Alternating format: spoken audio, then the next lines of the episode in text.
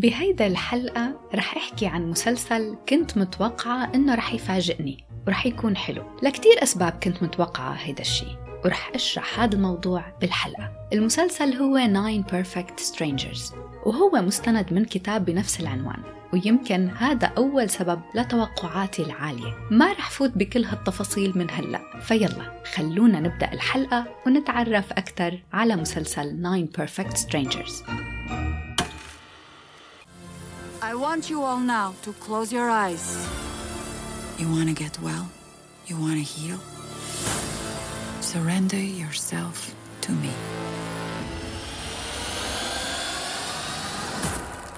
I am gonna fix you. مسلسل Nine Perfect Strangers من إنتاج هولو وبدأ عرضه بشهر أوغست هيدا العام ولسه مستمر عرضه والحلقة الأخيرة منه رح تعرض بسبتمبر هو مسلسل قصير مكون من 8 حلقات بيناسب المشاهدين فوق ال 18 ومقتبس من رواية بنفس العنوان للكاتبة ليان موريارتي يلي كمان ألفت كتب كتير ومن هيدا الكتب رواية Big Little Lies يلي تم تحويله لمسلسل بنفس العنوان من إنتاج HBO وكمان من بطولة نيكول كيدمان. وعلى عكس Nine Perfect Strangers Big Little Lies كان مسلسل حلو كتير وناجح. بس هيدا الحلقة مخصصة ل Nine Perfect Strangers. أحداث المسلسل من المفروض إنها دراما وغموض. من المفروض. وهي بترافق مجموعة من الأشخاص الأغنياء يلي ما بيعرفوا بعض بيتوجهوا ليقضوا عشرة أيام بمنتجع نائي بيساعد الأشخاص بالتغلب على مشاكلهم. إن كانت مشاكل نفسية مشاكل عملية أو عائلية.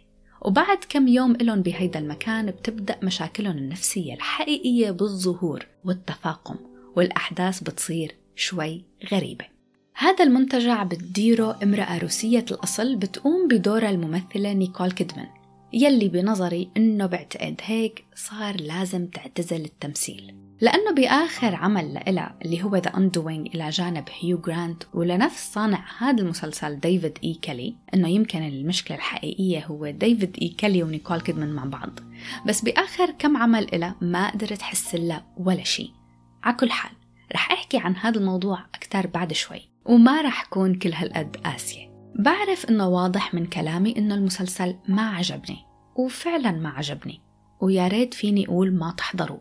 بس قبل ما أقول ما تحضروا رح أشرح شو المشاكل يلي فيه وأنتوا قرروا إذا المسلسل من ذوقكم أو لا.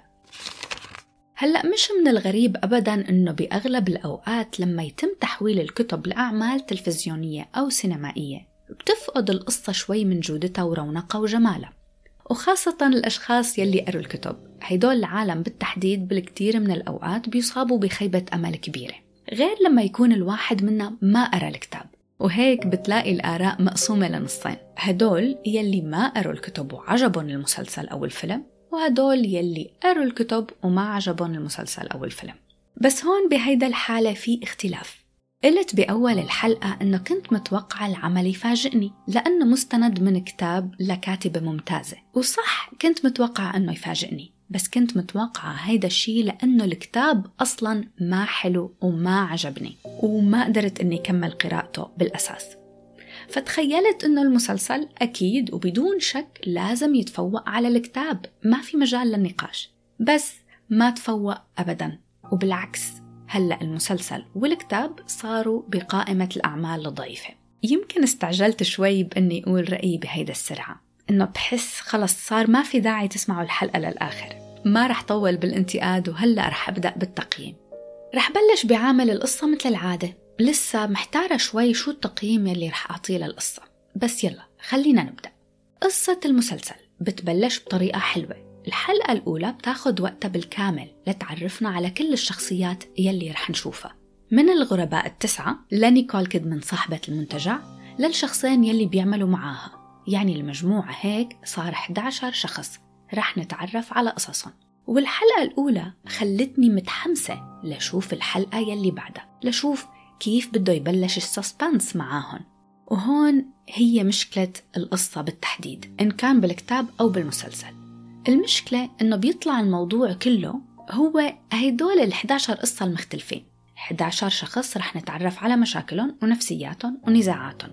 بصراحة كتير. لو كانوا ركزوا على قصة واحدة أساسية كان أحسن. بس هيدا فكرة الأحداث بالأساس. هي إنه تخلينا نتبحر بنفسيات هدول التسع أشخاص الأغنياء يلي اختاروا أغلى منتجع لحتى يعملوا فيه فترة نقاهة. وإلى جانبا صاحبة المكان والعاملين عندها. طيب أنا كمشاهدة بصراحة كنت ناطرة ال suspense والغموض ناطرة الأحداث لتتحرك وكل ما كنت عم أنتظر هيدا الشيء أكتر كنت عم بتأكد أكتر إنه ما في لا suspense ولا غموض ولا شيء غير إنه قصص الأشخاص ما بيعنوا لي هاي المشكلة الثانية بالقصة غير إنه طلع ما في أحداث فعلية وتبين إنه بس نحن رح نتعرف على نفسيات الأشخاص ومشاكلهم. المشكلة الثانية هي إنه ما اهتميت بالقصص ولا شخصية كانت بتحمل قصة بقدر أقول إني تأثرت فيها أو إنه لمستني من جوا. هلأ يمكن لأنه أصلا المجتمع يلي الأحداث عم تدور فيه مجتمع كتير أمريكي فتلقائيا المشاكل والشخصيات المطروحة بعيدة شوي عني. بس بغض النظر في كتير أعمال تانية وقصص تانية كانت بعيدة عني تماما بس قدرت أني حس وأنفعل مع القصة فبما أنه لازم أعطي تقييم لعامل القصة ولأنها قدرت تجذبني بأول حلقة راح أعطيها تقييم 40% There's nothing to fear. Because this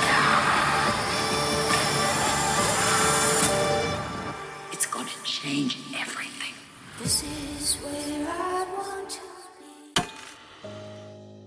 لنيجي لعامل التمثيل هون بقى هو العامل يلي المسلسل اعتمد عليه ونسي كل شي تاني تماما هذا المسلسل ركز كل اهتمامه إنه يجيبوا ممثلين معروفين متأملين إنه هذا الشي لحاله رح يغني عن كل شي تاني هلأ نجحوا إلى حد ما بس مع شوية تحفظات أول شي عنا الممثلة الكوميدية المتعودين عليها بأفلامها الكوميدية المضحكة ميليسا مكارثي.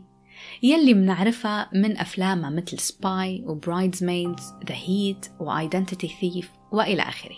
هون بهيدا المسلسل بتقدم دور شخصية اسمها فرانسيس وهي الكاتبة يلي بدأت تفقد شهرتها والمحررين ما عادوا يرغبوا بكتبها. ميليسا مكارثي بتبقى شوي على طبيعتها الكوميدية يلي متعودين عليها. بس كمان بتضيف لأدائها العامل الدرامي يلي كان حلو ببعض المشاهد. هاي الشخصية بالنسبة إلي هي وحدة من الأسباب يلي خلوني بدي شوف شو رح يصير بالأحداث. غير إنه ميليسا مكارثي كتير مهضومة ومسلية في سبب تاني وهو إنه خلال أحداث المسلسل تنشأ علاقة كتير حلوة بينها وبين شخص تاني. ومن خلال هاي العلاقة منشوف براعة واضحة بكتابة وتطور هدول الشخصيتين مع بعض. بس مثل ما قلت من قبل هيدا قصة من بين 11 قصة. فلبين ما تلف الكاميرا على الكل ولحتى أوصل لفرانسيس بيكون الواحد مل من الانتظار. بعدين بيجي الفنان لوك أفنز لوك أفنز يلي فعلا هو عامل جذب حلو. بياخد دور شخصية اسمها لارس لي أفنز معروف من قبل بأعمال مثل فيلم Dracula Untold مثل فيلم Beauty and the Beast بدور جاستون ومسلسل The Alienist يلي شخصيا كتير بحبه وبيعجبني. وكمان من وراء شكله الحلو فدايما بياخدوه ليلعب دور إله من الآلهة اليونانية مثل أبولو بفيلم Clash of the Titans وزوس بفيلم Immortals هلأ بكفي حكي عن الممثل. بهذا المسلسل الدور يلي بيلعبه لوك أفنز وهو شخصية لارس لي بالأول ما كانت كتير واضحة معالمها بس منعرف إنه عنده مشاكل بعلاقاته العاطفية. ومنشوف إنه إنسان ناقم على الحياة بالرغم من إنه ما أخذ دور كتير كبير على الكاميرا مثل ما أنا كنت بحب إني شوفه إلا إنه بعد تقدم الحلقات منشوفه إنه عم يتغير لإنسان مختلف والطريقة يلي انعرض فيها تطور شخصيته كانت ما بتقل أهمية أبدا عن تطور شخصية ميليسا مكارثي بشكل عام في الكثير من الشخصيات يلي فعلا بتتغير بطريقة حلوة بالمسلسل. وهذا الشيء يلي مخليني مكملة لهلأ. نيجي للممثل مايكل شانن يلي معروف بمسلسل Boardwalk Empire بدور نيلسون فان ألدن وكمان كان له ظهور مميز بفيلم الأوسكار The Shape of Water. هون بهيدا المسلسل شانن بيقدم دور والد اسمه نابليون وبقدر أقول بكل ثقة إنه هو من بين الكل قدم تمثيل مميز يعني فعلا مميز الوحيد من بيناتهم كلهم. قدرت إني أتعاطف معه وحس بعواطفه ومشاعره. وهلأ رح روح لرأس القائمة الرهيبة من هدول الأسماء يلي في منهم كتير. بتيجي الممثلة نيكول كيدمن. يعني ما بدي يكون قاسي على نيكول كيدمن بس بالفترة الأخيرة صارت تعابير وجهها بالنسبة لإلي مش مفهومة وكأنه ما عندها غير تعبير واحد لكل المواقف.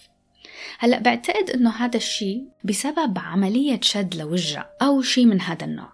أنا أكيد ماني ضد عمليات التجميل وكل واحد عنده الحق إنه يكون بده يحس بالشباب والجمال الدائم.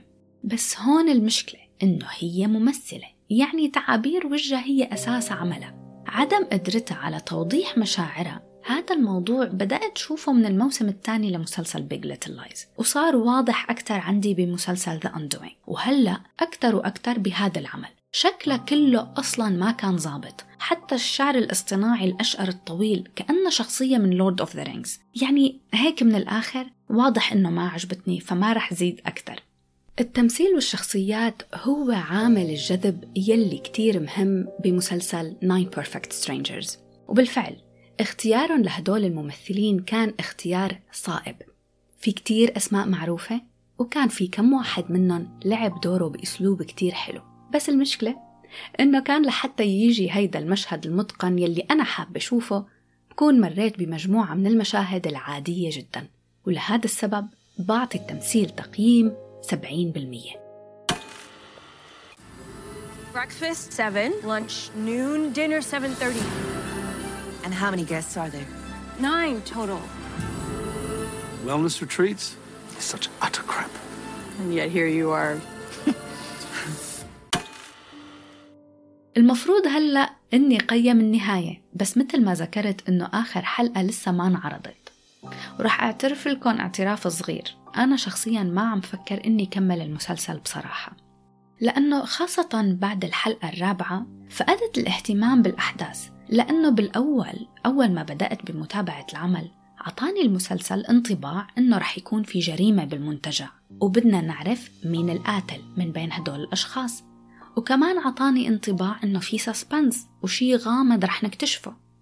بس بعد أربع حلقات من مسلسل أصله 8 حلقات ما حاسة إنه عندي فضول إني كمله. هلأ في مشكلة تانية صارت مع هولو بهيدا المسلسل. وهن ما دخلون بهي المشكلة. ولكن قبل شهر من عرض مسلسل Nine Perfect Strangers قامت HBO بعرض مسلسل كتير شبيه بهذا السيناريو. اسمه White Lotus مجموعة من الأشخاص الأغنياء بيروحوا على جزيرة بهاواي كل واحد منهم عنده مشكلته وقصصه وفضايحه. ما عم أقول إنه White Lotus حلو لا please ما تفهموني غلط. White Lotus الشخص يلي كتبه واشتغل عليه كان عايش بمكان كتير هيك عالي يعني فوق الغيوم. وبالآخر خلصت المسلسل وسألت حالي تقريبا شي عشر مرات أنا شو حضرت؟ أو شو كانت الفكرة من الأساس؟ الشيء الوحيد يلي كان مفهوم وواضح ب White Lotus إنه بالحلقة الأولى بنكتشف إنه في شخص انقتل. فكل الحلقات بنكون عم نحاول نعرف مين من بين الشخصيات انقتل ومين القاتل. بس التركيز كان مفرقع بين القصص الثانية. يلي عددهم عشرة. يعني فرقت قصة بينه وبين Nine Perfect Strangers.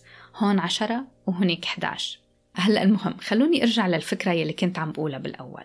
لأنه Hulu عرضت هيدا المسلسل بعد White Lotus تبع HBO حسيت إنه طلع أضعف وقيمته كانت أقل. كمان في مشكلة إضافية بطريقة عرض Nine Perfect Strangers لأنه حلقاته عم تعرض أسبوعيا.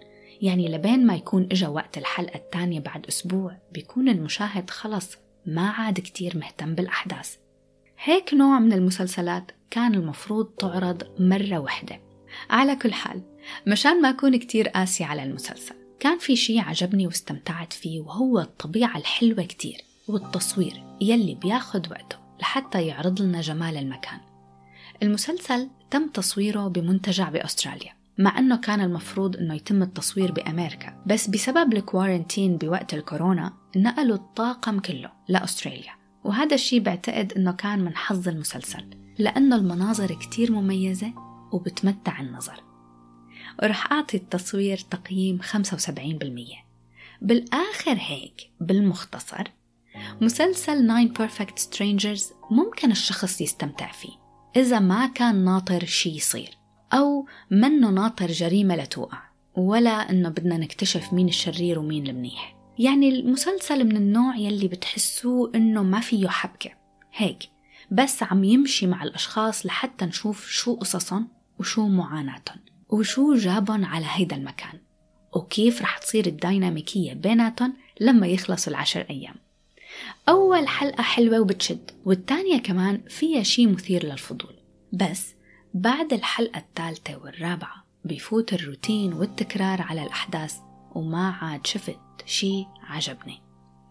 Nine Perfect Strangers حاصل على تقييم 7.4 على IMDb و61% على Rotten Tomatoes وعلى بودكاست تلفاز كمان 61% شكرا لكل الأشخاص يلي استمعوا لهيدا الحلقة. بتمنى أنها تكون عجبتكم وبشوفكن بحلقة تانية ومسلسل جديد. bye bye.